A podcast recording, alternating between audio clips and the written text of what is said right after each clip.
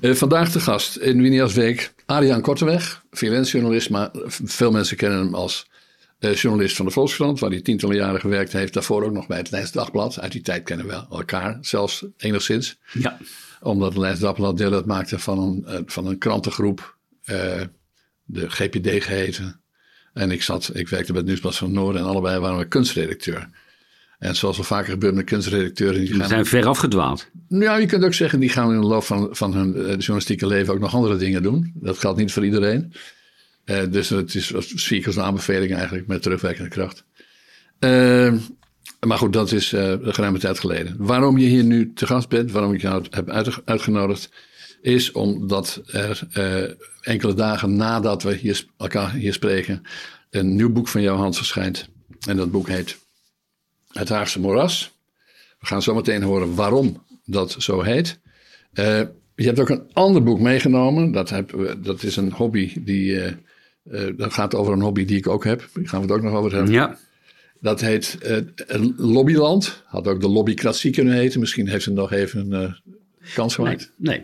Oké, nou Nee. gaan we het ook nog over Van hebben. meet af aan Lobbyland. Oké, maar we gaan het in ieder geval zeker nog hebben over Lobbycratie eh, NL, zal ik maar zeggen. Ja. Eh, want dat maakt deel uit van, als ik, het, eh, als ik me dat kan permitteren, dat maakt deel uit van ehm, wat je hier beschrijft. Je beschrijft namelijk het Binnenhof en omstreken.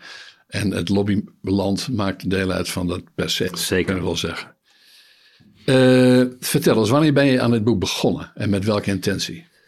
Ehm, het zat al heel lang in mijn hoofd. Ik, ik wist al heel lang dat als ik ehm, in, in, in Den Haag zou ophouden, dat ik een boek wilde hebben. Eigenlijk wilde ik het al eerder. Maar als je verslaggever bent, komt het. In, ieder geval in mijn geval lukt me dat niet. En dat is neemt je te veel in beslag.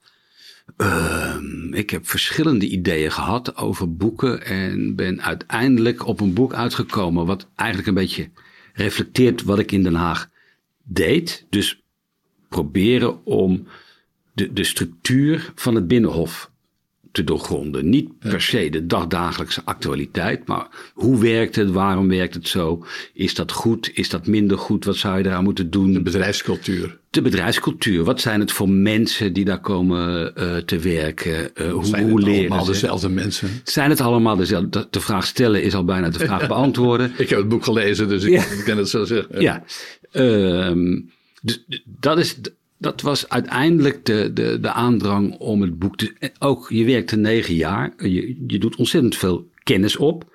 Heel veel kennis die je ook niet kunt gebruiken in de krant, in Ja. mijn geval. Dus ik had dringende Dat is dan een beetje de tragiek van de journalist. Hè? Je, doet Ja. alles op. En daarna is het afgelopen of je gaat iets anders doen. En dan is al, dat, al die bagage die gaat teloor. Althans, Ja. dat voel je zo. Precies. De- om, om dat te voorkomen, eh, dacht ik, er moet een, er moet een boek komen. Ehm, ook omdat je dan andere lengtes hebt, een andere ritme, andere dynamiek eh, kunt aanbrengen. Nou ja, dat was, dat was de reden. De helikopterview. De helikopterview, ja, die er uiteindelijk wel in moet zitten. Ja, En ehm, het boek had ook al uit zullen komen rond deze tijd, denk ik. ja, Alleen, Ja. eh, toen deed het toch wat nieuwe omstandigheden voor die, je- die je ertoe gebracht hebben, zoals je zelf schrijft. Het idee was, nu moet het boek anders. Dat bleek erg mee te vallen. ja, In die zin dat je de, het boek wel hebt geactualiseerd, maar dat hoefde niet over de kop, zullen we maar zeggen. nee, dat is bizar. Ja, Ja, maar je kunt ook zeggen, kijk, want waar we het over hebben is natuurlijk een dubbel event. Namelijk begin juli, toen eerst het kabinet viel en vervolgens eh, de, de premier van de afgelopen 13 jaar zei dat hij ermee ophield. ja, Eh, maar eh, zoveel is er ook weer niet veranderd. Ja, er zijn mensen die kondigen hun vertrek aan, maar het oude kabinet zit toch nog soort van te regeren. Dus ja, zoveel is er ook niet veranderd Nee, eigenlijk. nou, dat, dat is inderdaad iets heel vreemds geweest. Dus dat boek zou oktober uitkomen. Dat was al in, in zo'n beetje toen we het boek afspraken met de uitgever, was, Ja. het, was dat de datum. Nou, toen is eigenlijk het kabinet zo vriendelijk geweest om, eh, om in juli te vallen, begin juli. Ja. Ik dacht eerst, dit is ellende. Ik moet het hele boek herschrijven, moet ik eerlijk zeggen. Eh, want alles wordt anders. Toen ging ik nog eens nadenken en kijken en dacht, nou eigenlijk, de hele structuur zal hetzelfde blijven. Dus er gaan wel andere figuren komen en er zal, zeg maar, als je snel kijkt, zal het radicaal anders worden, omdat het allemaal andere mensen zijn, zelfs andere partijen die het misschien straks voor het zeggen krijgen. Maar maar de diepe structuur, alles daaronder, alles waarop het leeft, zal Ja. ik maar zeggen, die gaat ook nu niet dramatisch veranderen. Dus, en ik heb het hoofdstuk Rutte, hè, dat is één hoofdstuk in het boek, Ja. gaat over de, de, de figuur Rutte eigenlijk. Ja, ik had hem Mark al... groete mensen. Ja, Mark, Mark Groete Dingen. De dingen. En ja. nou, Paul van Ostaaien. Ja.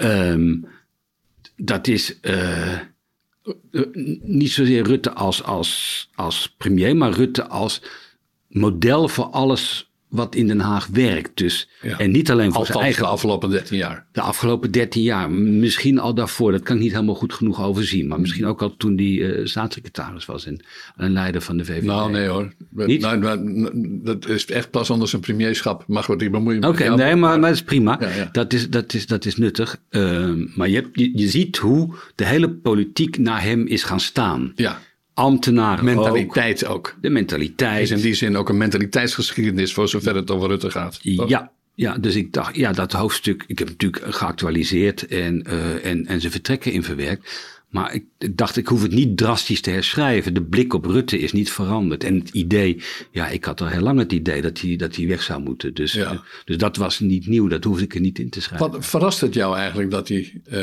dat Ja. hij ja? Ja, dat hij weg is gegaan. Nou ja, op dit moment, eh, onder deze omstandigheden, op deze manier.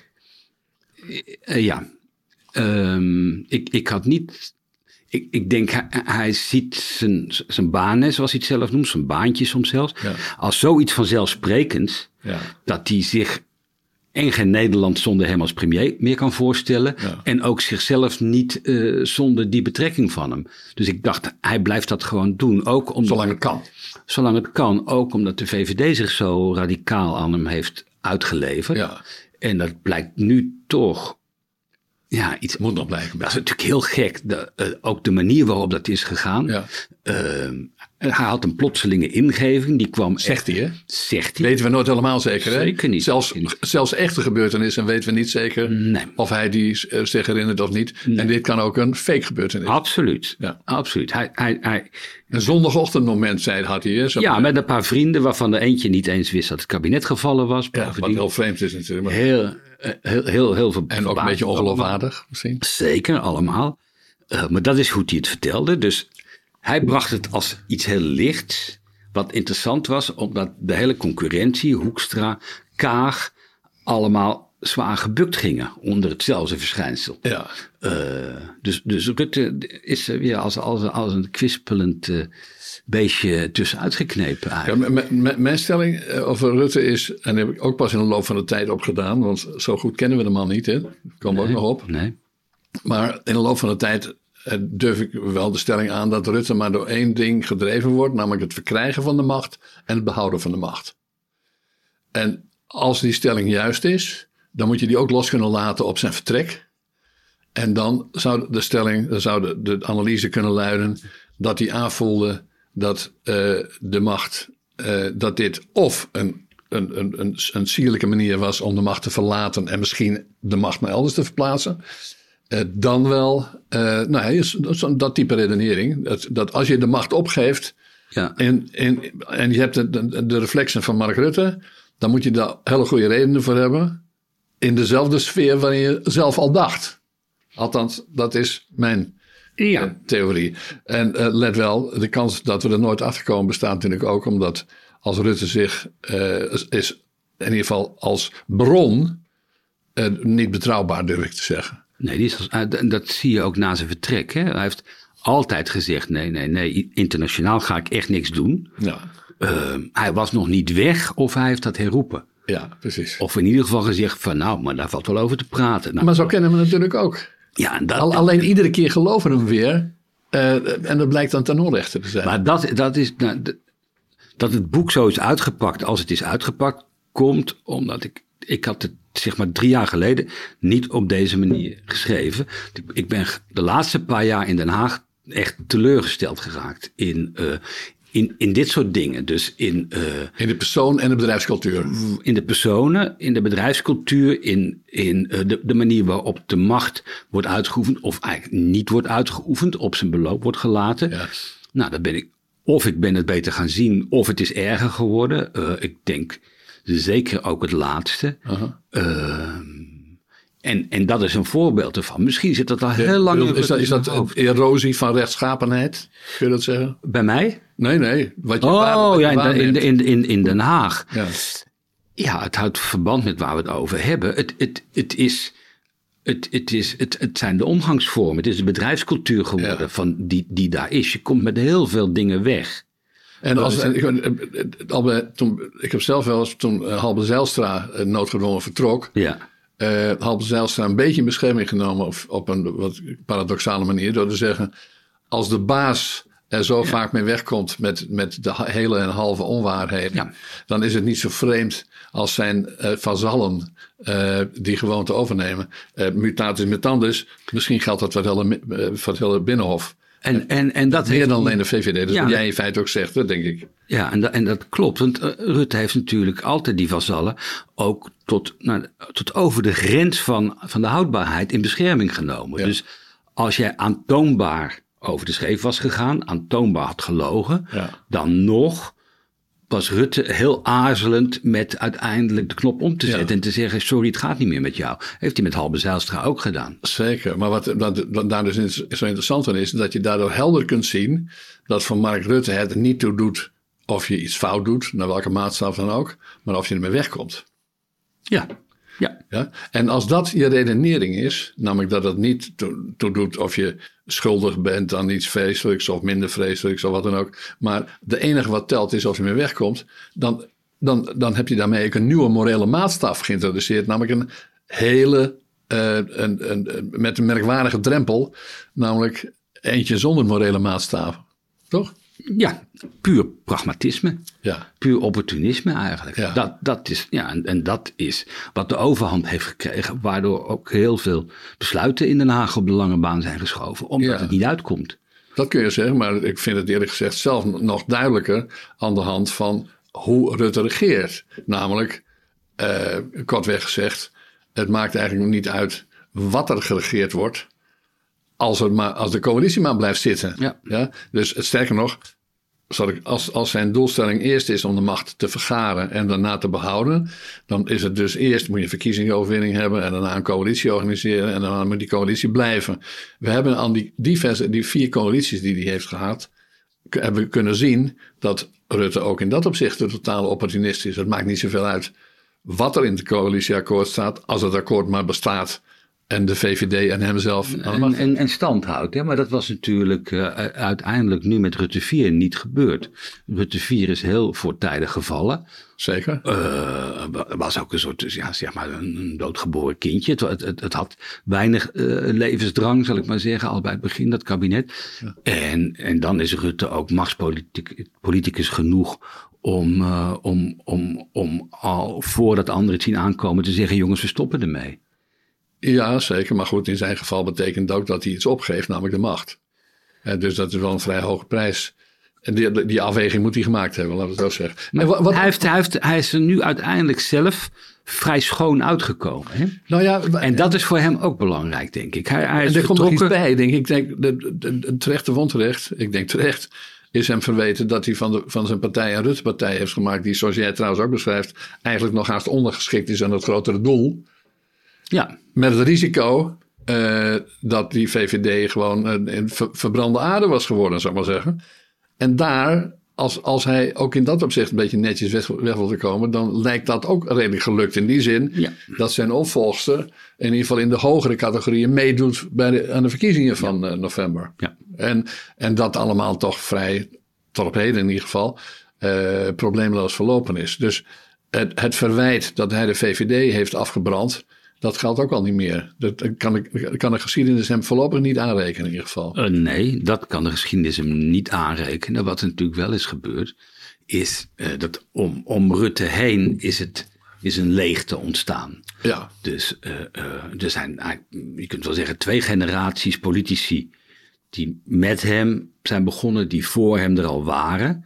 De, de, de kampen en dergelijke. Ja. Op Stelten, eh, dat is allemaal weg. De volgende lichting, Schippers, Zijlstra, ook allemaal weg. En wat er om hem heen zit nu, is dankzij Rutte gekomen. ja. Waar- en waarom staat het meestal in de, in de lagere rangen en uh, Ja. assistentie. eh, En, en, en, en die, zijn daar, die zijn daar nu. Die zijn dus afhankelijk van Rutte. Die hebben nooit een gelijkwaardige relatie met hem gehad. Hebben ze die nooit op eigen kracht een verkiezing gewonnen? Nee, die hebben hem nooit kunnen tegenspreken. Want daar hadden ze de positie niet voor. En trouwens, van tegenspraak hield hij niet. Hè? Dus hij, iedereen die hem te tegensproken, dat zijn er niet veel. Maar die hebben dat politiek niet overleefd, zoals Nee. weet. Nee.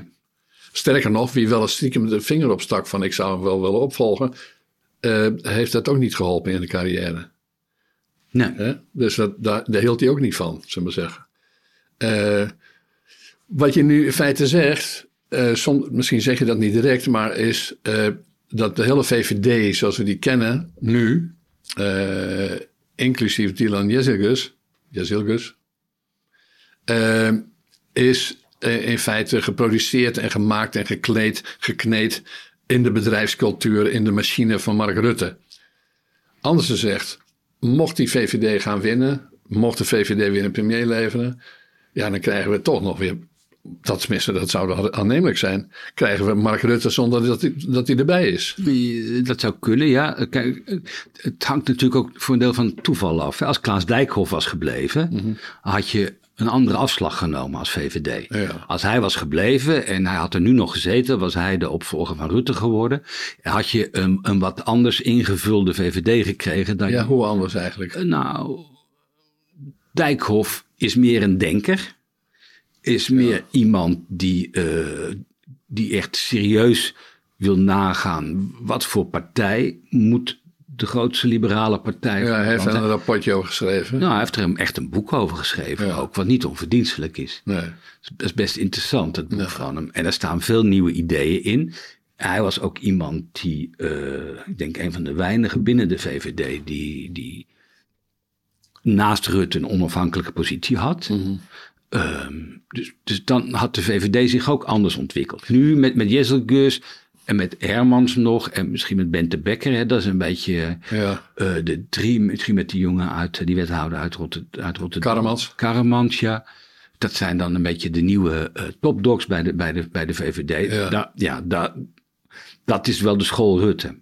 Ja. Ja, Wat zo- de basisschool Rutte zou je kunnen Ja. zeggen. Ja. Eh, die zich misschien wel eens een, eh, wel een enkele keer naar voren konden stappen, maar alleen eh, binnen het regime Mark, om zo maar te Ja. zeggen. Dus, maar laat ik zo zeggen, wat zou het verschil hebben uitgemaakt als Dijkhoff VVD-leider was geweest of Dylan? Jezilgus. Nou, ik denk dat je, ehm, dat je, dat je met Dijkhoff, dat je aan Dijkhoff een heel andere gesprekspartner hebt. Oh ja. Dat die op onderzoek uitgaat van wat wil ik nou eigenlijk? Wat, wat moet de VVD, wat moeten de standpunten van de VVD Meer zijn? intellectueel. Nou, en ook dat hij de, de neiging zou hebben gehad om, om terug te keren naar de grondslagen. Dat heeft hij met dat boek ook gedaan. Ja, een beetje so- sociaal-liberaal. Ja, hij zat op het punt van eh, de, eh, dat hele neoliberalisme, dat is einde traject. Ja. Eh, we moeten gaan nadenken, waartoe zijn wij er? Wat, waartoe eh, Ja. bestaat het liberalisme? Hoe gaan we daarmee door? Nou, dat is een totaal andere... Wat is dat eigenlijk, het neoliberalisme? Nou ja, dat, ik, ik, ik was al bang dat je dat zou gaan Ja, vragen. dat komt nog wel eens voor in je boek als gegeven. Dus ik denk van nou laat ik die vragen stellen. Nou ja, dat, dat is uiteindelijk wat is ontstaan. eh, voor, eigenlijk met Thatcher en, en Reagan. Da- Dat wordt normaal in de. Mhm. Nee, dat snap ik. Oké, wordt er als, Maar dan in als- Nederlandse context. als het begin gezien. Nou, dat is overgenomen door Lubbers eh, in, in de Nederlandse context. En later door Kok voortgezet. Eigenlijk maakte Lubbers Kok in beleid wat dat betreft niet heel veel uit. Dus je, je dringt de rol van de overheid terug. Eh, je dringt eigenlijk de, de, de, rol van de bevolking Privatiseringen. privatisering, de rol, de, eh, alle, alle nutvoorzieningen in, in, in privéhanden, zoveel als dat kan. En je laat de markt het werk doen, om het maar heel Ja. kort samen te vatten. Maar je kunt toch niet zeggen dat eh, Rutte nou bij uitstek een, een neoliberaal was in die zin. Want hij, eh, hij stapte in die trein die je net al schetste. Dus een land dat volgens deze lijn geredeneerd al neoliberaal was. En vervolgens was hij vooral de opportunist. Ja, maar hij was ook niks anders dan een neoliberaal. Hij heeft er ook nooit iets tegenover gezet. Nou, hij, hij heeft, Hij heeft het gewoon voortgezet. Het was er. Ja. Het was de manier waarop de Nederlandse staat eh, was ingericht. Waarop de ambtenaren waren getraind. Waarop alles was voorgesorteerd. En daar gaan we. Daar heeft zich nooit de vraag gesteld of, of het misschien anders zou moeten of kunnen. Nee. En zelfs in het kabinet Rutte 2 met de PvdA is er van een andere koers nooit iets, uh, niets echt gekomen. Nee, dat, je kunt zeggen dat het Diederik Samson de grootste neoliberaal van iedereen was. Ja. Of niet? Net volgens deze redenering zo ongeveer. Als je kijkt naar de verzorgingsstaat. Ja. Dan, uh, Ze hebben een aantal... Als, als, je de bejaarden uit het verzorgingshuis haalt en, en, zegt... en dan gaan we weer lekker thuis zitten... terecht misschien, daar gaat het even niet om... Dan, uh, dan past dat in de neoliberale theorie zoals je, zoals je die net schetst. Studiefinanciering. Dus ja. zeker een heel aantal En al die andere dingen die, die, die eerst zijn ingevoerd en vervolgens weer zijn teruggedraaid. Ja. ja. ja. Um, ik denk dat een, een, een rode lijn in dit gesprek is of kan worden dat, uh, dat er van alles kan veranderen met de verkiezingen van november. Ja. Uh, maar dat je moet afvragen hoeveel eigenlijk. Want ja. we, we, we, hadden de VVD, namen we al even onder de arm. En daar kunnen we toch voorlopig constateren dat er ook veel mark nog in de VVD zonder mark is. Ja. Althans. Uh, en dus dat mag je aannemen dat dat ook zal, zal blijven na 22 november. Er is eigenlijk maar één verschil. Hè? Dat is dat uh, Mark Rutte in het begin van zijn premierscarrière samenwerkte met uh, de PVV. Vervolgens heeft besloten dat niet meer te doen. Daar had hij steeds wisselende redenen voor. Uh, en dat zijn opvolger heeft gezegd dat ze dat niet uitsluit. Dat ze wel met, met, met de PVV zou willen gaan regeren. Of in ieder geval op een of andere manier zou willen samenwerken in, in regeringsvorm. Uh, mijn stelling luidt trouwens dat dat ook heel goed bedacht zou kunnen zijn door Mark Rutte zelf. Want als je alles doet voor de macht, dan doe je dus alles ook voor het electoraat. En laten we niet vergeten, een jaar of zes, zeven geleden heeft Rutte voor het eerst toen nadrukkelijk gezegd dat hij niet wilde, gaan, dat hij niet wilde regeren met, uh, met Wilders. En ik herinner me heel goed dat Wilders in die tijd nummer 1 stond. Een jaar lang heeft hij nummer 1 gestaan in de peilingen. En door te zeggen dat hij niet met hem wilde regeren, maakte hij duidelijk dat de PVV aan de kant bleef staan. Wat electoraal een hele goede ja. afweging ja, was. Maar, maar de, niet, de, de, de deur op kier zetten naar, naar de PVV is op het moment voor de VVD het makkelijkste wat ze kunnen doen. Ja. Het gaat nooit gebeuren. De, VVD, eh, de PVV gaat niet in een regering komen. Want daarvoor heb je partners nodig die er net zo over denken. En die zijn er niet. Dat is, maar, er zijn, zijn... Andere, maar er zijn natuurlijk andere middelen. We hebben, eh, we hebben vooral in de eerste kabinet in Rutte allerlei akkoorden, de akkoordenfabriek in Rutte meegemaakt, waarbij diverse partijen, uiteenlopende partijen, eh, steun verlenen aan het regeringsbeleid, zowel politieke partijen als polderpartijen. Uh, en uh, het zou niet vreemd zijn als, als dat type uh, kabinetsteun ook nu weer wordt gegenereerd. En als Wilders ook van zijn kant zijn, zijn toezegging gestand doet. Dan zou het dus in ieder geval in theorie denkbaar kunnen zijn dat op een deel van het regeringsbeleid er wel degelijk steun zou kunnen komen van een partij als de PVV. Of denk je dat het onhaalbaar is? Nou, of onwenselijk? Ik, ik, zie de zinnen niet van in. Ik zou niet weten waarom, nou ja, als, als, waarom dat zinnig is voor andere partijen om daarin mee te gaan. Je levert je uit. Ja. En, en zoals het er nu naar uitziet, zijn er, ja, er zijn, in de peilingen zijn er nu vier, vier behoorlijk grote partijen voor, voor begrippen van nu. Drie à vier, ja. Ja, en, en dan uh, uh, één naar twee iets kleinere. En dan heb je nog, nog andere partijen die je misschien nodig hebt. Ik, kan me, ik kan me geen formatie voorstellen waarbij je de steun van de PVV per se nodig hebt eigenlijk. Die, die drie grootste, dus dat zijn dan de, uh, de Pieter Omtzigt, Caroline van der ja. Plas en de VVD, zal ik maar zeggen. Nou, ik, eh, PvdA, GroenLinks heb je ook. Ah, nee, natuurlijk, natuurlijk, natuurlijk, natuurlijk, natuurlijk. Sorry, ik, ga, ik, ik noem die Caroline van der Plas, ik bedoel natuurlijk, want die is een stukje kleiner. Nee, de drie grotere, dus die rond de 25, een beetje lager, een beetje hoger. Uh, zetels zitten in de peilingen op dit moment, we naderen nu eind oktober. Uh, die hebben toch met z'n drieën, dus de, de, de Pieter mhm, Omtzigt, mm -hmm. ex-CDA, uh, de, de PvdA GroenLinks, dus PvdA met, uitgebreid met het GroenLinks.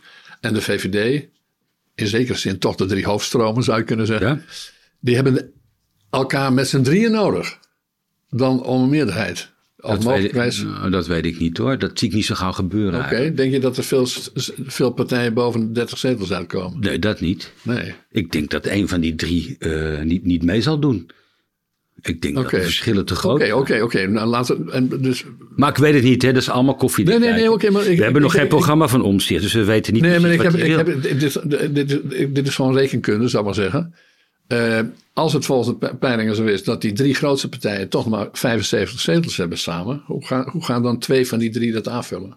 Twee van die drie gaan dat bijvoorbeeld met de BBB aanvullen. Ja, maar dat zijn twaalf zetels. Nou, er zijn op het moment twaalf zetels, dat, maar dat fluctueert aan alle kanten. Ja. En uh, als en dan is BBB klein wordt, wordt een ander weer groter. Dus dan komt er nog wat bij. Dan komt er misschien een vijf, een vijf uh, oh, okay. partijen. Uh, misschien heb je gelijk, maar ik, ik, zou het niet, ik, ik, zie dat, ik zie er nog geen overtuigende vier partijencoalitie ontstaan bijvoorbeeld. Even aangenomen dat vier oké is. Het, het, hangt, het hangt er van af hoe de BBB gaat scoren. Ik kan me best een regering omzicht BBB, VVD met, met nog wat voorstellen. En dat, dat vind ik voorlopig, maar het is allemaal koffiedik kijken. Maar dat vind ik aannemelijker dan iets waarbij ook uh, PvdA GroenLinks betrokken raakt.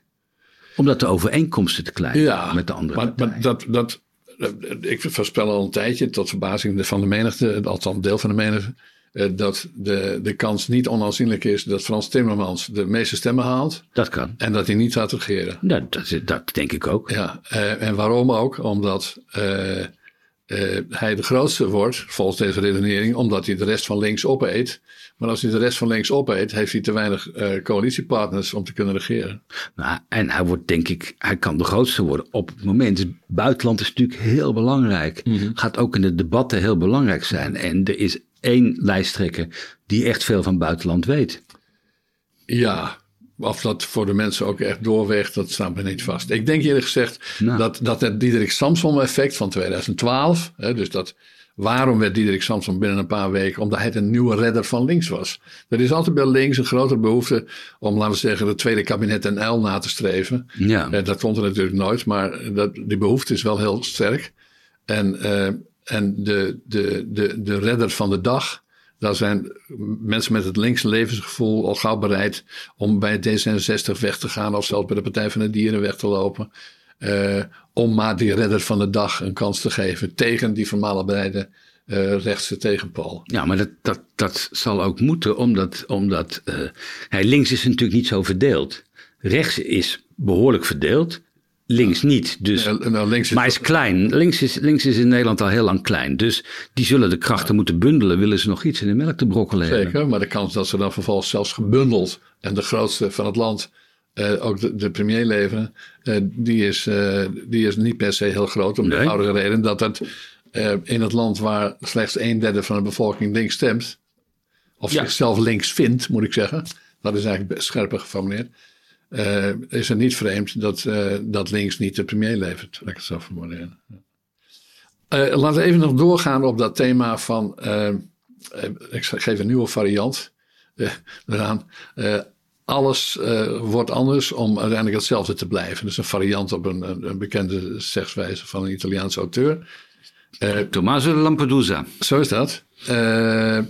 En dat is voor, voor menigeen waarschijnlijk geruststellend. Voor anderen zal dat leiden tot een desillusie.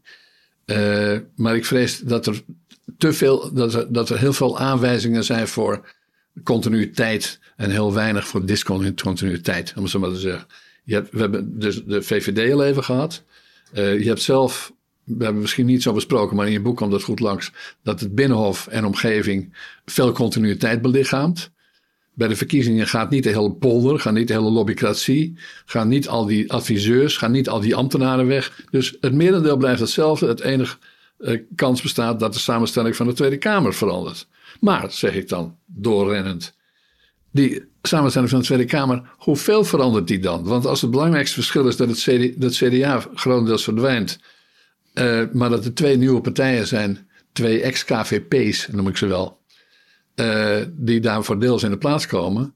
Ja, is dat heel revolutionair? Is dat niet, hè? Als, als Caroline van der Plas en, uh, en vooral Pieter Omtzigt een dominant, dominante rol in de Kamer spelen. Omzicht is, wat is het, hoe lang? Twintig jaar Kamerlid geweest voor, voor het CDA. Vijftien, ja. Ja, dus uh, nieuwe gezichten, maar ook uh, een, een, nieuwe richtingen. Ik geloof dat niet, toch? Of wel? Uh, nee. Uh, maar dat is natuurlijk saai als ik, het, als ik daar uh, helemaal, ik, ik lok je uit om saai te zijn. Helemaal, helemaal in meega. Um, ik, ik, ik zie nog niet heel veel verandering. Omzicht is natuurlijk wel een heel interessante factor in het geheel, omdat mensen vinden hem, hè, dus een hoofdstuk in het boek gaat over politici die op zoek zijn naar hun authenticiteit. Authenticiteit is het hoogste goed wat je kunt bereiken. Althans in de wereld van Pieter Omzicht. Nou, maar... niet die van Mark Rutte, hè?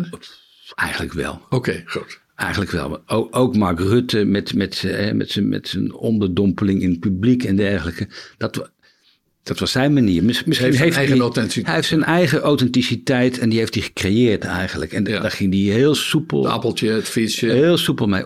Jackie, ja, dat, dat was echt goed bedacht ook allemaal. En dat was voor hem iets wat heel, heel goed paste. Ja.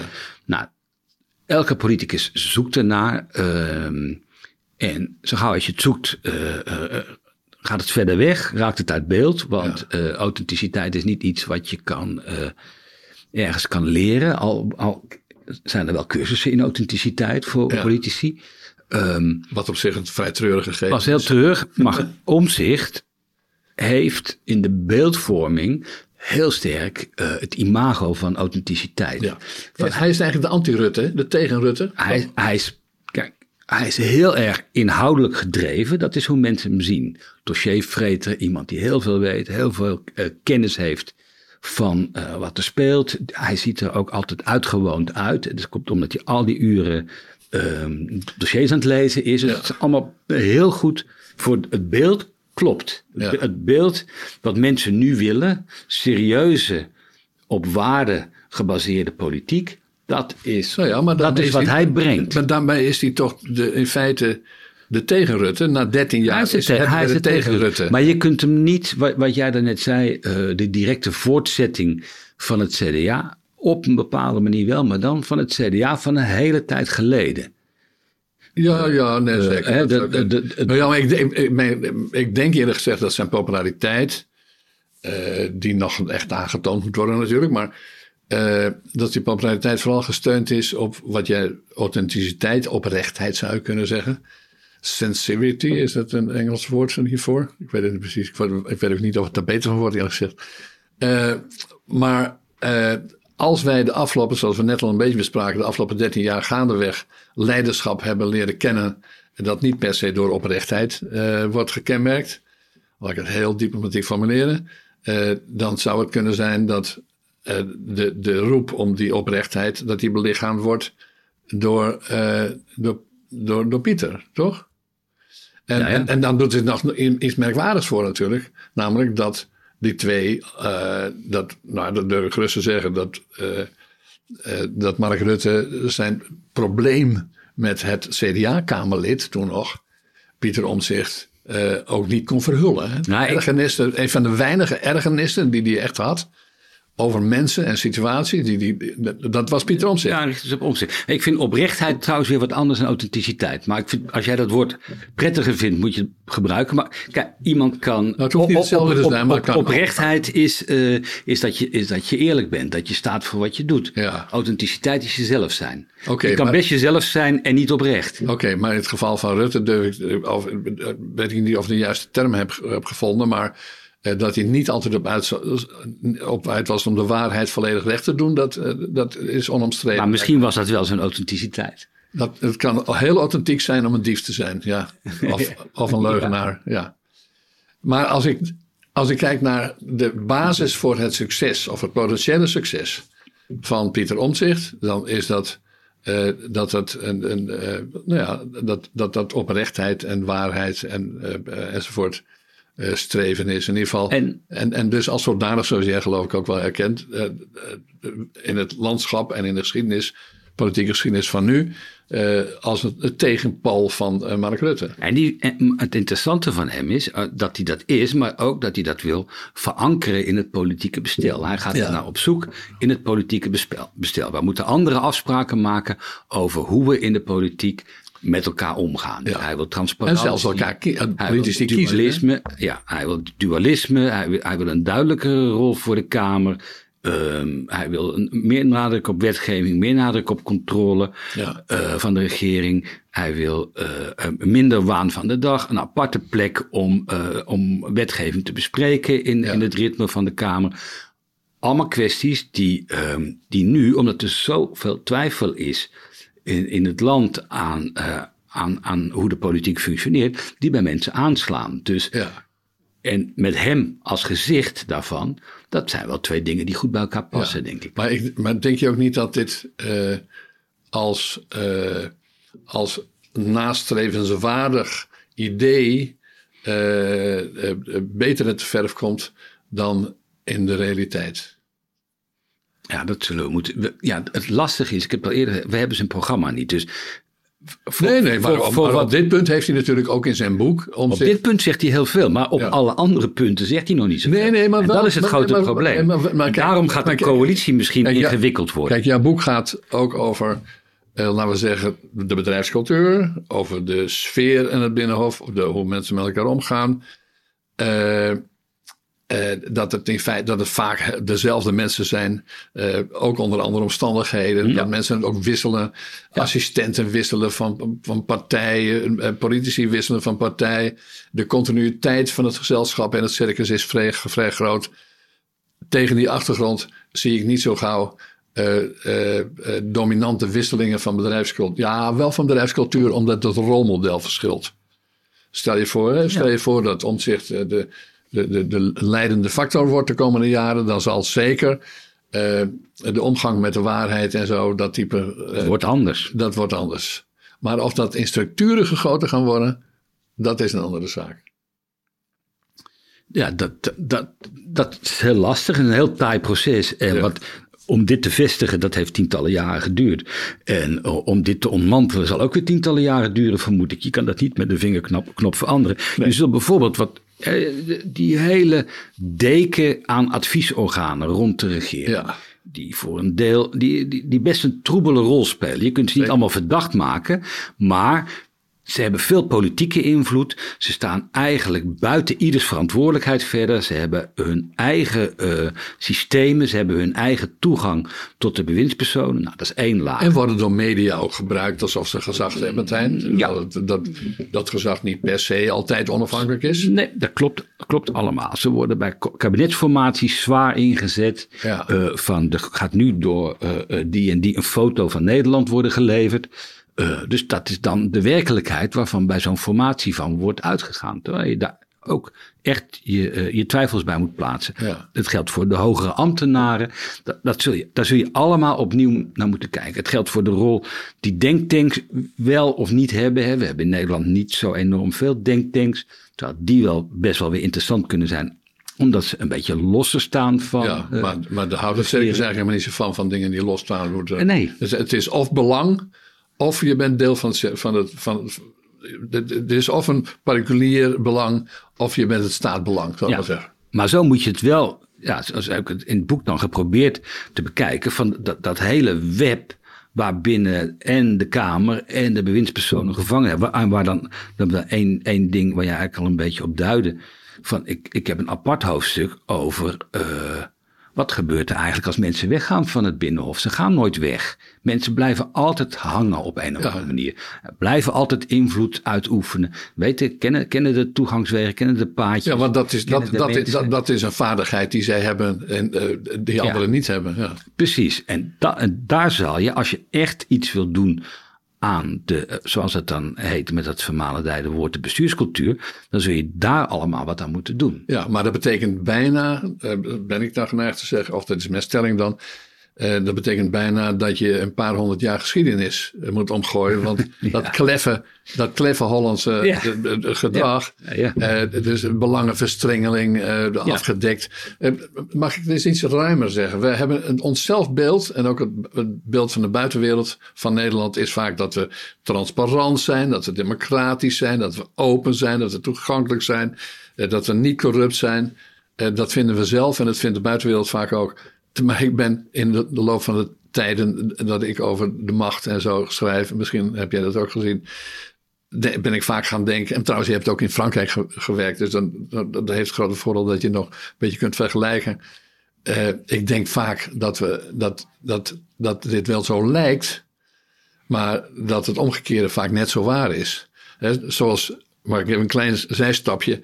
Mark Rutte is misschien wel de grootste machtpoliticus die we in decennia hebben gehad. En misschien wel in een eeuw hebben gehad. Maar wat was zijn handelsmerk? Zich te gedragen als een schooljongen. Een ongevaarlijke allemansvriend. Dus in Nederland moet je je gedragen. Waar, dus je kunt ook omdraaien. Je kunt zeggen, Mark Rutte gedraagt zich als schooljongen en allemansvriend. Ja, en als manager. Hè? Dat is wel een woord wat er echt bij hoort. Ja, maar een os, Want de manager wordt gestuurd. Die, ja, heeft, maar, die heeft niet zelf de macht, maar die wordt met macht beladen. Mag die even uitoefenen en uh, levert er net zo makkelijk weer in. Ja, dat is het beeld wat dat hij Dat is even, ik ga naar kantoor. Maar dan is het dus de, de, de, de, schooljongen die zich gedraagt als manager die naar kantoor gaat, laat ik dan zo zeggen. Maar in ieder geval, dat is dus niet in de klassieke uh, laten we zeggen, feodale, post-feodale cultuur waar iemand de baas is of president. Nee, en waarom doet Mark Rutte dat? Niet omdat hij gek is. Nee, dat doet Mark Rutte omdat hij weet dat in de Nederlandse context je het beste kunt voordoen als schooljongen die naar kantoor gaat. Omdat ze je dan ongevaarlijk vinden en ondertussen kun je dan machtiger zijn dan wie dan ook. Dus, uh, nou, ik, dit zijspoor dat strandt nu ergens, maar uh, dat past dus in mijn ruimere uh, stelling die ik op jouw bordje gooi, namelijk dat ons zelfbeeld klopt niet. We zijn, we zijn niet een transparant land, we zijn een klef land. Uh, we, zijn, uh, we zijn niet zo'n niet corrupt land, want we doen permanent aan belangenverstrengeling. Alleen noemen we dat dan niet zo, dat noemen we een polder of zo. wat, wat zeg jij van deze observatie? Nou ja, daar hoef ik eigenlijk zelf niks van te zeggen. Dat is door internationale instanties allemaal beaamd natuurlijk. Hè. Dat heeft Greco. Van de Raad van Europa. Is van de Raad van Europa. De, de, de, de corruptiewaakhond heeft, uh, heeft een rapport over Nederland uitgebracht. Nog een rapport over Nederland uitgebracht. Waarin precies dit soort observaties stonden. Ja. Uh, jullie lopen ver achter, jullie zijn uh, niet transparant, je moet wat doen. De Eerste Kamer zit vol met ah, lobbyisten. De Eerste Kamer is een lobbyparadijs. Je, je zult er wat aan moeten doen en um, dat heeft de regering 2019 gekregen. Dat is heel aarzelend opgevolgd. Bij de eerste uh, ronde was het alleen maar erger geworden, omdat er uh, niks gedaan was aan de, aan de periode waarin bewindspersonen, ex-bewindspersonen, um, geen contact met hun voormalige ministerie mogen mm-hmm. hebben. Um, en nu is dat eigenlijk nog steeds zo. De OESO um, heeft een rapport uitgebracht waarin heel veel landen waar je het helemaal niet van zou verwachten, Slovenië, Slowakije, Chili, beter voorstonden op het gebied van handhaving van de democratische moraal, zal ik maar zeggen, de normen. Uh, dan Nederland. Maar jij en ik weten dit. En we hebben dat gezien, we hebben het ervaren. Je hebt een boek over geschreven. Vaak over geschreven. Ik heb er van alles over gedaan. En uh, wij weten dat, maar het dringt, het dringt niet door. Het, het, het, lijkt wel alsof wij dat als Nederlanders, als bevolking, als media over het algemeen toch ook, uh, niet willen weten of niet willen zien. Of, ons, of wegduiken onder het motto: ja, maar elders is het, elder, is het erger. Dan, ja. dan, daarmee wassen we onze hand, handen Ja, Maar, maar het, het, het, draagt wel bij tot, uh, tot het, het, verhaal wat we hier zo nu en dan boven zien komen. Namelijk dat de continuïteit wel eens groter zou kunnen zijn dan de, dan de verandering. Want dat hele, die hele kleffe boel de betrokkenen hebben er geen belang bij om het te veranderen. Geen belang bij om het kiesstelsel te veranderen, om de lobbycratie te veranderen. Nee. Uh, dus je, dan moet je al een hele machtige en doorzetterige premier zijn, bijvoorbeeld, of een, eh, of een coalitie zelfs, die dat minstens twee termijnen uh, kan blijven zitten. Want anders is de kans op desillusie groot, vrees ik. Of niet? Ik ben, ik ben voor een maximum van twee termijnen. Uh, ja, ik, maar ik, ik, ik had het nu over een minimum van twee termijnen. Ja, daarom zeg ik, ik ben voor een maximum. Ja, ja. Uh, omdat ik vind dat, uh, de, dat heb je, heb je ook de afgelopen... En twee termijnen bedoel dan twee volle termijnen. Ja, ja, dus, ja, dus acht jaar, niet, niet als het voor die struikelt, dan mag je best nog wel even door. Ja. Um, om, om, omdat een hele organisatie gaat naar zo'n persoon staan. Dat zie je, dat, dat zie je gebeuren. Dat heb je bij, bij Rutte in Extremo gezien. En, Veel meer dan bij Balken. En, en het interessante is dat de VVD is zich daar heel erg van bewust. Want de VVD hanteert dat principe voor zijn Kamerleden. Ja. Je mag in principe maar twee termijnen. En alleen degenen die zich echt onmisbaar hebben gemaakt, omdat ze zich enorm diep hebben ingegeten in één portefeuille, ja. die mogen dan bij hoge uitzondering nog een rondje. De rest moet ja. na twee termijnen vertrekken. Nou ja, Alleen de, als je zo alleen, streng voor alleen, de, alleen de leider mocht 17 jaar zitten. al- ja, als je zo streng voor je Kamerleden bent, wees dat dan ook voor je, voor je premier, zou ik zeggen. Ja, ja. Maar goed, ik draai het toch nog even weer om. Als je, wil je wat bereiken, wil je een, een bedrijfscultuur, eh, wil je de lobbycratie, eh, de, de, de, de base met de lobbycratie halen en zo, eh, dan doe je dat niet met één verkiezingsoverwinning. Dan heb je toch echt twee van die termijnen nodig, denk ik, of tenminste. Oh, je hebt wel twee termijnen nodig. Ja, maar je hebt bijvoorbeeld ook een goede minister van Binnenlandse Zaken nodig. Die, eh, Ja. Als je dat wil aanpakken en met regelgeving wil aanpakken. Bruin Slot heeft het best wel een beetje geprobeerd, vind ik, de afgelopen periode. Ja. Die heeft best wel heeft dat minder tegengehouden dan de andere. Ja, ja, echt. echt nou, en het was ook een onderwerp. Ik had de indruk dat het haar ook wel interesseerde. Dat ze het ook wel Ja. zag. Van dan, het wordt nu toch wel echt hoog tijd dat. Nou ja, als je beweert dat je van waarde en normen bent, dan moet je hier. eh, Ja, ja, ja, toch? ja, zeker. zeker. Maar ja, nu, Maar, zit hier, hè, nu zit hier de jongen eruit. Dus dat, Hugo zal er niet veel tijd voor hebben, verwacht ik. Die heeft andere dingen aan zo. ja. Nee, dat, dat, nu, ja, nu loopt het eh, dan weer vast. En Hugo de Jong is misschien ook niet de grootste eh, opschudder van de democratie. Eh, nee, en, en hij heeft ook een, in sommige opzichten de schijn tegen. Ja, mag ik daar eens een voorbeeld van noemen? Wat ook in je boek langskomt, dat is de, de avondklok. Ja, eh, waar jij ook kritisch over bent. eh, en waar ik nog wel eens nog kritischer, of minstens zo kritisch over ben. Want we hebben natuurlijk iets merkwaardigs meegemaakt. In, de- in de eh, relatieve nadagen van corona hebben we nog een keer drie maanden een avondklok Ja. mee gehad. Met de verregaande effecten. Misschien niet op de oudere mensen in Nederland, maar wel op de wat jongere mensen in Nederland. Eh, en verbazing, met verbazingwekkend weinig reden om, om die in te stellen. En Hugo de Jonge van het CDA, minister van Volksgezondheid toen, en Mark Rutte, eh, die hebben daar samen heel hard voor geijverd, maanden achtereen. Dus tegen het eigen kabinet, tegen de eigen coalitie en tegen de Tweede Kamer in. Uiteindelijk hebben ze het er toch nog in januari 2021, een paar maanden voor de verkiezingen, door weten te drukken en steeds weer verlengd. Zodat we een maand of drie een avondklok hebben gehad. Voor het eerst sinds de Tweede Wereldoorlog. De, de, de meest met veel opstanden ook. Eh, waar Rutte dan weer weer honend over deed. Maar het is toch een merkwaardig, merkwaardige fase in de, eh, in de Nederlandse naoorlogse geschiedenis, zou ik dat willen noemen. Dit autoritaire gedrag, waarbij je ziet dat de staat iets doet wat niet per se nut heeft, maar ja, zoals ze geen stijl dat geloof ik noemen, eh, niet omdat het moet, maar omdat het kan. Of hoe kijk jij daar tegenaan? Nou, in, in brede zin, de avondklok was een, een, was een heel dubieuze maatregel. Die ook wetenschappelijk niet sterk onderbouwd was. Hè. Toen ik al niet trouwens. En, en ook met terugwerkende kracht eh, eigenlijk nog minder steun eh, krijgt vanuit de wetenschap. De zin Ja. om daarmee corona te bedwingen, die was niet groot. Maar hij zat in een heel systeem van coronadebatten. Die hebben we toen gehad. We hebben toen, ik dacht, meer dan 40 In corona de Tweede Kamer bedoel in de je? Tweede Kamer. En dat, dat vond ik ook een slecht stelsel. Ik vond de manier waarop toen de politiek is omgegaan met, eh, met doorwerken tijdens corona. Door eigenlijk te zeggen, vanaf nu wordt elk debat in de plenaire zaal wordt een soort algemene politieke beschouwingen. Je mag het vanaf nu overal over hebben. Ja. En, eh, en dat gaan we dan met z'n allen behandelen. Dat vond ik een hele. En, en daar zat. Daar zat dat de, debat. Vind je die avondklok daar een product van? Ja, dat hoorde daar helemaal bij. Dus, daar zat een onzinnig debat omheen. Ik weet nog wat. Maar, dit kwam maar dit kwam echt rechtstreeks uit, uit, uit de, de, de, de, het hart van, van, van het kabinet. Ja, maar daar waren wel veel meer maatregelen die rechtstreeks uit het. Ja, maar je kunt niet zeggen dat de. Tweede Kamer hier een dynamiek heeft georganiseerd. Nee, die dynamiek dat- kwam echt bij ja, deze maar- twee ministers. Maar, maar hij viel in die dy- dynamiek van de Tweede Kamer. Hij viel in dat hele patroon van nu gaan we. Ja, ja. eh, eh, vandaag gaan we. Het, nou, vandaag stond de avondklok op het programma. Ik weet nog dat D66 er toen een enorm nummer van gemaakt heeft. Dat ze hem een half uur hebben ver- eh, Ja, verlaat. Het, het, het was. Wat natuurlijk van een grote tragiek is. Als je, als je kijkt naar het volk van Nederland.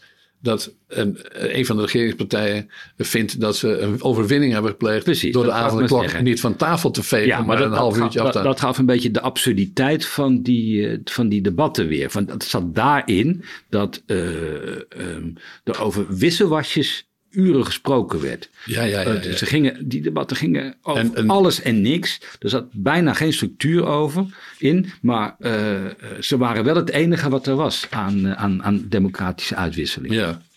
Daar, daar hoorden, voor mij hoorden die, die, die avondklokken hoorden daarin. Ja. Maar goed, wat, we, we hebben nu ook nog gezien dat de, de parlementaire enquête die ingesteld is over de corona. Ja, eh, jij formuleert het in het boek iets anders, maar naar mij betreft heeft ze gewoon, hebben gewoon de regeringspartijen eh, geregeld dat die enquête geblokkeerd is, althans voorlopig geblokkeerd is. Ja. Ja, dus ook die avondklok wordt er verder ook niet eens meer zelfs in het parlementair onderzoek onderzocht. In ieder geval voorlopig niet. Nee. Eh, Nou, dat is, dat is dan- de dan absolute machteloosheid waarin de democratie nu verkeert. Waarin, Ja. de, waarin de Tweede Kamer nu verkeert. Als je zelf, je, zelfs je eigen parlementaire enquêtes die je zelf instelt en waar je een enorm machtsmiddel van maakt en waar Ja. heel veel belang aan wordt gehecht. Als je die al niet meer door laat gaan.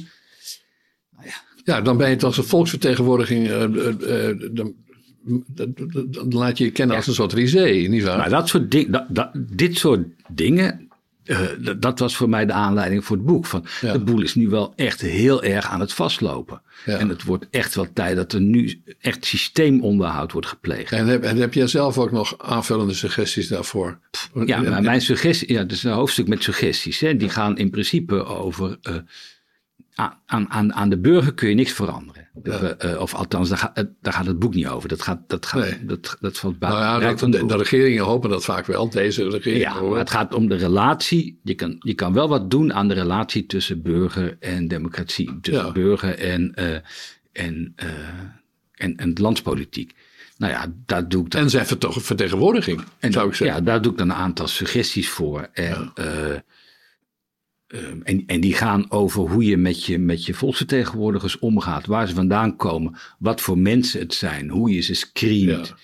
of ze zich volksvertegenwoordiger voelen. Ja, of, eh, eh, of alle regio's vertegenwoordigd zijn. Ja. Of alle lagen van de bevolking Daar vertegenwoordigd heeft Omtzigt ook een paar suggesties voor. Ja, nou, Dat, is, dat, is, dat, dat is wat je vanuit de politiek Maar is niet de basis, is niet de basis voor dat alles dat de volksvertegenwoordiging ook volksvertegenwoordiging is en dat de volksvertegenwoordiger zich een volksvertegenwoordiger voelt in plaats van dat hij eh, junior politicus onderweg naar het lobbyistenschap is of zoiets. Ja, dus daar, maar goed, da- dat is de verantwoordelijkheid van partijen ook. Je zal je, zal, je scouting. eh, Maar goed, nou, een van de dingen die ik behandeld is hoe gaat het met partijen? Ja, Een heel deel van de partijen gaat het heel goed mee. Is betrekkelijk, eh, zeg maar, goed nieuws. Ja. En een heel deel vooral de nieuwe. hè? Ja, en een heel deel van de partijen gaat het slecht mee. Ja, dus wat, dat zijn de oude vooral. dat zijn de, de, de middenpartijen. Maar de machtspartijen gaat het eigenlijk slecht met. het, gaat slecht met de, het gaat slecht met alle partijen die ooit verantwoordelijkheid hebben genomen. Ja. Er, er zijn in Nederland vijf partijen die ooit in de regering hebben gezeten. Vijf en een half als je nu GroenLinks een beetje meerekent, Ja, omdat ze met eh VPA. PvdA samen zijn. Ehm, met die partijen gaat slecht. Met de ledenaantallen van die partijen gaat het slecht ook. Eh, en met bijna Al- alles het, buiten. het alternatief van de macht gaat het goed, althans in aantallen. met bijna alle, precies, met bijna alle andere partijen gaat het, gaat het goed. Eh, Ja. De grootste eh, ledenpartij is Forum. Eh, het, gaat, het gaat goed met al die nieuwe partijen. Partij voor de Dieren groeit gestaag. Alleen typisch van die partijen is dat die dus niet regeren. Of, Nee, en, en, regeren en, en niet. dat zelf misschien niet willen, maar in ieder geval ook zeker niet worden toegelaten tot de macht. En dat alle ambtenaren van die vier, vijf regerings, Nou ja, machtspartijen en, zijn. en, dan, en dan heb je vervolgens het punt dat van de partijleden is maar een klein deel bereid om volksvertegenwoordiger te worden. Dus de vijver waaruit volksvertegenwoordigers op gemeentelijk, provinciaal, eh, waterschappen, eh, landelijk, alles kunnen, kunnen putten, wordt steeds kleiner. ja, Bij de VVD. VVD is een ledenaantal de tiende partij van Nederland. ja, ja. Die is echt klein. Die is kleiner dan de ChristenUnie. Dat weten, denk ik, veel mensen beseffen dat niet. Nee, nee. Maar dat kleine vijvertje, daar moeten al die VVD-volksvertegenwoordigers en Ja. burgemeesters En dan blijkt het en zeker, alles en wat ze leveren, En de, zeker in daaruit blijkt dat mensen allemaal met dezelfde achtergrond te zijn. Zijn Allemaal veel hetzelfde mensen. soort mensen. Ja, Ons soort mensen. Veel- Nou, niet ja. jij en ik, maar ja, zo voelen zij dat daar. Hè, dat op een zomeravond zie je ze allemaal zitten op het, Ja. op het plein in... eh, Nou ja, en, en dat is dus lastig. En, en dat geldt gek genoeg voor eh, gekozenen. En dat geldt ook nog voor burgemeesters. Dus eh, de, de, de, de klassieke partijen, ja. die leveren bijna alle burgemeesters Ja. en eh, commissarissen van de koning. Ja. Terwijl ze het vijvertje waar, ze, waar die uit moeten komen, krimpt en krimpt en krimpt. Ja, ja. En dat, dat is echt, dat is echt een, Ik vond vind het- ik een schandvlek op het bestel. Zeker. Ik vond het eigenlijk eh, nog het meest opvallend eh, de afgelopen jaren bij de Partij van de Arbeid. De Partij van de Arbeid is een kleine partij geworden. Misschien worden ze nu weer groter, maar in ieder geval met behulp van de, de, het, samensmelten eh, of niet eh, met eh, GroenLinks. Eh, maar het was de afgelopen jaren gewoon een kleine partij. Hè, dus als je twee keer verkiezingen wint met negen zetels of daaromtrent. eh dan ben je, dan, ben je niet een, wat het, een machtsfactor mag je aannemen. Terwijl je zag dat alle benoemingen, burgemeesters, Ja. voorzitter van dit, voorzitter van zus, eh, de, de PvdA-gehalte was huge. Ja. Eh, wat, wat ook veel zegt over de machine en de continuïteit van de machine. eh, van, eh, want nou ja, laten we zeggen, ze werden erkend. Ze worden allemaal erkend als ons soort mensen dat je in de toekomst misschien ook weer nodig hebt. Althans, dat is een soort afweging die waarschijnlijk gemaakt wordt. Tegelijkertijd vraag je je af wat de kiezer wel niet van moet denken. Die mag toch aannemen dat als, als ze een partij verlaten, dat die niet met dezelfde, eh, met, met, met dezelfde infanterie doorgaat als in de voorgaande jaren het geval was. Dus het is, je lacht ook de kiezers een beetje uit op die manier, niet? Ja, nou, dat geldt, het geldt voor PvdA, het geldt voor CDA in dezelfde mate. Ja. Eh, het is ook een kleine partij geworden.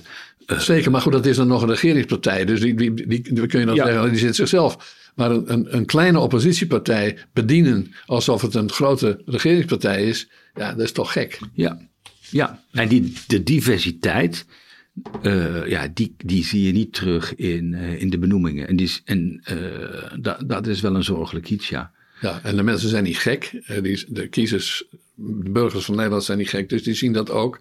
Die zien ook dat ze niet bediend worden en kiezen. En gaan dan mede om dat type redenen een alternatief zoeken, ben ik geneigd te zeggen. Ja, Zou het niet? ja, ja tuurlijk. Ja. Eh, ik wilde eh gaandeweg afronden. Zijn er nog dingen die jij heel graag nog te bedden wilt Nou ja, kijk, eh, da- dat is wel een belangrijk iets. Het, het laatste hoofdstuk is het, is het kortste. Ja. Maar dat is wel het hoofdstuk dat als ondertitel hoop heeft. Ja. Hè, bij el- elk hoofdstuk heeft een, heeft een onderwerp. En van dat hoofdstuk is, is, dat, is dat hoop. En dat is wel belangrijk ehm, om, om, om te zeggen, denk ik, van Dat, er is perspectief. nou ja, je- wat, je, wat je nu ziet is dat de betrokkenheid bij het functioneren van het, van het landbestuur, van de democratie, die is groot. En die is veel groter dan die in heel lang is geweest. En ook dat is misschien iets wa- wat we ons niet elke dag eh, realiseren dat dat zo is. Hè? Ja. Het aantal leden van partijen is nu groter dan het sinds begin jaren tachtig is Ja. geweest. Dat is een bijzonder iets. Partijen gingen, dat ging gaandeweg steeds terug, dat liep steeds terug. En dat is nu ineens, de laatste drie jaar, is dat weer aan het groeien. Ja. Dat is één ding. Opkomst bij verkiezingen is niet meer verplicht. Ik zeg, denk er nog eens over na. Misschien moet je het wel weer verplicht gaan stellen. Maar dat is een andere discussie. Maar is niet verplicht. En toch eh, ehm, is de opkomst groter Ja. dan die in lang is geweest. De afgelopen, eh, de afgelopen jaren zie je bij verkiezingen dat weer toenemen. Ja. Nou, dat is ook een, een belangrijk iets. Al, en, maar eigenlijk altijd dankzij eh, het feit dat mensen, als mensen alternatieven zien. Hè? Dus alternatieve partijen, alternatieve eh, deelnemers aan verkiezingen. Dat was bij Fortuyn ook al zo overigens. Dus wanneer hadden we de laagste opkomst bij verkiezingen? Bij Paars. Dus het, het, het, het, het- het- onder de journalisten veel geroemde kabinet eh, Kok. Eh 1 en 2 zakte de opkomst naar, eh, naar de laagste cijfers ooit in de Nederlandse geschiedenis. Ook omdat de opkomstplicht weg was natuurlijk. Eh, en dat laat zich verklaren door het feit dat, dat toen de, de depolitisering van de politiek totaal was. Links en rechts hadden samen in het kabinet. En er was geen verschil ook meer tussen de PvdA en de VVD, zal ik maar zeggen. Dus wat voor zin had het om te gaan stemmen? Dus er bestaat een relatie tussen opkomst en, en ledental zelfs. Eh, en de vraag of er een alternatief is voor wat er nu zit. Ja, ja de- of, die, of die zo lineair is, weet ik niet. Hè? Want dat, dat ledental, dat is ook in, in, in, in de decennia daarna teruggelopen, na paars. Dat is niet, dat is niet gaan stijgen toen er Nee, nee weer ik heb het ook met name over de opkomst. Eh, Depolitisering leidt tot lage opkomst. maar wat, wat, je, wat je ook ziet is, eh ja, buiten parlementair gebeurt er heel erg veel. Dat is heel lang weg geweest. Buiten de polder. Eh, buiten de polder. Er is een alternatieve polder ontstaan. eh, eh, in allerlei sectoren is die ontstaan. Die is in de zorg, in de landbouw. zie, zie je dat gebeuren. Ja. Ehm, en toen ik terugkwam, ik kwam terug uit We hebben die, grote, op, die grote demonstraties gehad aan de vooravond van corona. Dat is iedereen misschien wel even vergeten. Maar dat de bouwvakkers en de onderwijzers en, de, en, en, de, en, de, de, boeren, die trokken allemaal met, met z'n allen, allemaal buiten de eh, om naar het Marieveld. Dat was typerend. Ja, excuus dat ik, eh, maar dat wilde ik even ter illustratie er even bij zeggen. Ja. Maar goed, je kwam terug uit Frankrijk, zei jij? Nou, dat is eigenlijk precies wat jij net vertelde. Ja. Dat we een beetje in dat opzicht op Frankrijk zijn gaan lijken. Um, nou, Namelijk dat we dezelfde straat op gaan in plaats van dat alles overlaten aan de, toen, aan de toen, Het was natuurlijk zo in Nederland. In de jaren tachtig uh, hadden we die cultuur ook. Die is helemaal weggezakt. Uh, in Frankrijk is, is dat traditie. Dat is, uh, in Frankrijk bestaat de polder bijna niet. Dus moet je de straat op. Ik kwam terug in Nederland in 2013 en, en een demonstratie in Nederland. Dat waren twintig man met een megafoon en een spandoek op het plein. En dat, was, dat werd al als iets aanzienlijks gezien. En, en dat is wel de afgelopen, nou eigenlijk vanaf 2018 zo'n beetje, is dat gaan, is dat gaan lopen inderdaad. Ja. is er weer heel veel gebeurd. Hè. Het, eerst sloeg het niet over, gele hesjes bijvoorbeeld, de Gilets jaunes. Dat is geprobeerd in Nederland. Dat had op geen enkele manier uh, weerklank.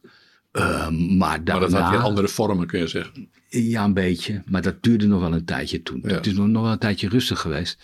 En, en toen daarna heb je, heb je de alternatieve vakbonden gekregen. Uh, onderwijs natuurlijk vooral. En de landbouw. En, en toen is het weer gaan, gaan lopen, ja. Dan zou je kunnen zeggen dat in de Rutte-jaren... de democratie zoals die bedoeld is... of traditioneel bedoeld is, de vertegenwoordigde democratie... Uh, misschien niet bepaald gebloeid heeft... Nee. Maar dat het, hela dat het gelukkigwijs, en dat is het goede nieuws dan, maar corrigeer me als er reden voor is. Uh, het goede nieuws is dat de, de, de, de, het, de, de Nederlanders niet, niet doodgeslagen heeft, maar dat de, de democratische gezindheid uh, uh, er, er, zich laat aanzien niet onder geleden. Nee, die, die veert terug. Hè. Dat, dat, BBB is daar een goed voorbeeld van. Ja. Uh, dat is ontstaan nou ja, buiten de Randstad. Uh, heel andere doelstellingen, andere achtergrond dan andere partijen. Er wordt vaak van Kamerleden gezegd... je hebt drie jaar nodig om een beetje je weg te vinden op het Binnenhof. Ik geloof dat Caroline van der Plas na één dag al haar weg gevonden had zo'n beetje. Ja. En haar draai had gevonden. En met behulp van de authenticiteit zou ik geneigd zijn. Uh, ja, ja, ja. Nou goed, dat is een ander onderwerp, maar zeker, dat klopt. Um, dus je, je gaat nu zien dat er bij de komende verkiezingen staat dat in ieder geval helemaal vast.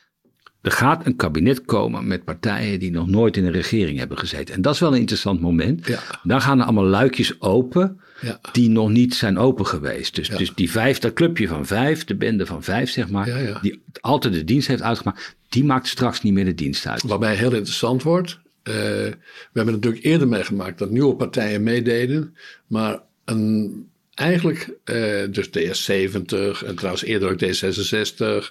Uh, ChristenUnie. ChristenUnie, maar dat vind ik een ander geval eerder gezegd. Uh, maar partijen, dus laten we zeggen, die, de nieuwe partijen, uh, zoals ook de, de LPF dat er een was, ja. de PVV dat er een was, waarvan je de, de, de, de gevoeglijk kon aannemen dat de machtspartijen, de traditionele machtspartijen, er eigenlijk ze liefst maar mee lieten regeren om ze daarna te kunnen killen. Ja. ja?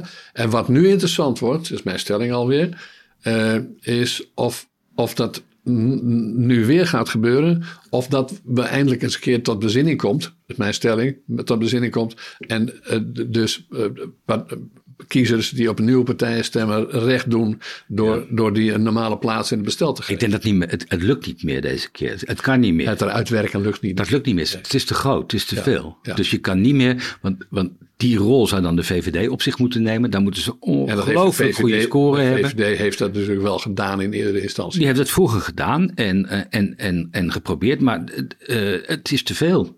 Wat aan de poorten klopt is te groot geworden. Ja. Dus, dus maar dat gaat wel degelijk iets veranderen dus. Dat gaat veranderen, ja. Wat het, dus die nieuwe partijen zullen weer alle paadjes moeten vinden waarmee ze uh, hun invloed kunnen uitoefenen. Nee, dat, dat, in de regering. Ja, dat, dat, is een verandering. Ik, lijkt me dat, dat lijkt me een belangrijke conclusie van dit gesprek. Ja. Uh, want die heb ik elders ook nog niet gehoord. Dus dat is dan ook weer een nieuw, nieuw voor de ja. kijkers en luisteraars. Want let wel, uh, Week TV is niet alleen video, uh, maar is ook podcast. En volgende week gaan we weer een nieuw politiek gesprek voeren. En ook andere gesprekken weliswaar. Maar we hebben de frequentie opgevoerd deze maanden. Omdat verkiezingen zijn, omdat het heel aan de hand is. En omdat we denken toch dingen veranderen, zoals we net al gemerkt hebben. we spraken vandaag met Adriaan Korteweg, auteur van Het Haagse Moras. Uh, Koop dat boek. Ja, dat uh, is altijd fijn als de auteur dat zelf zegt. Hoef ik het niet te doen. En uh, het verschijnt eh, eind oktober. 24. 24 oktober. En dat is ongeveer op de dag dat deze podcast Annex Video ook verschijnt. Mooi. Dank voor het kijken en tot de volgende keer.